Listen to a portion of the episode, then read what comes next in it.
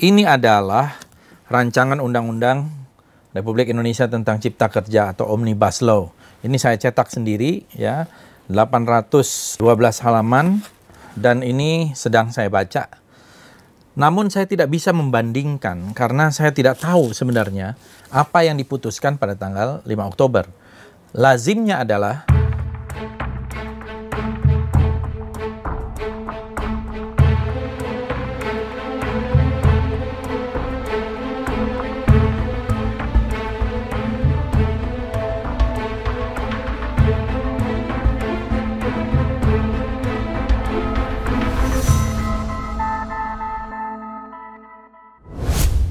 Saudara-saudara, saya baru menerima naskah RUU Omnibus Law sebanyak 812 halaman melalui satu PDF file dari Badan Legislasi yaitu pada tanggal 12 Oktober jam 22.21.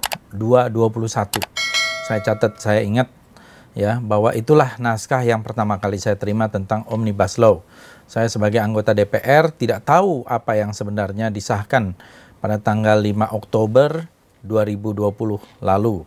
Karena saya tidak berada di balik dan juga kita tidak pernah dibagikan satu helai, satu selembar pun naskah tersebut. Sehingga anggota DPR pada umumnya yang saya tahu, mereka tidak mengetahui apa yang disahkan pada tanggal 5 Oktober 2020. Nah, ini adalah rancangan undang-undang Republik Indonesia tentang Cipta Kerja atau Omnibus Law. Ini saya cetak sendiri ya, 812 halaman dan ini sedang saya baca. Namun saya tidak bisa membandingkan karena saya tidak tahu sebenarnya apa yang diputuskan pada tanggal 5 Oktober.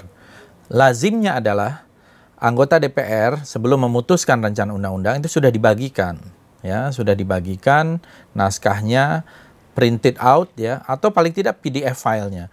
Tetapi ini tidak ada. Dan bahkan pada waktu itu rapat paripurna berlangsung dengan cara dadakan. Ya, saya sendiri baru mengetahui kurang lebih 15 menit sebelum rapat itu dimulai. Padahal seharusnya memang rapat uh, pada tanggal 8 Oktober.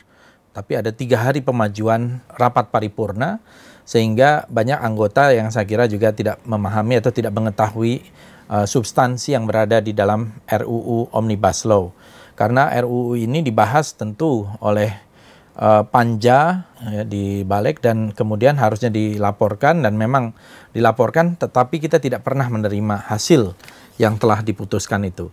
Oleh karena itu memang kita memerlukan waktu untuk melihat dari sisi substansi, dari sisi prosedural, saya kira banyak kelemahan-kelemahan prosedural dalam hal ini.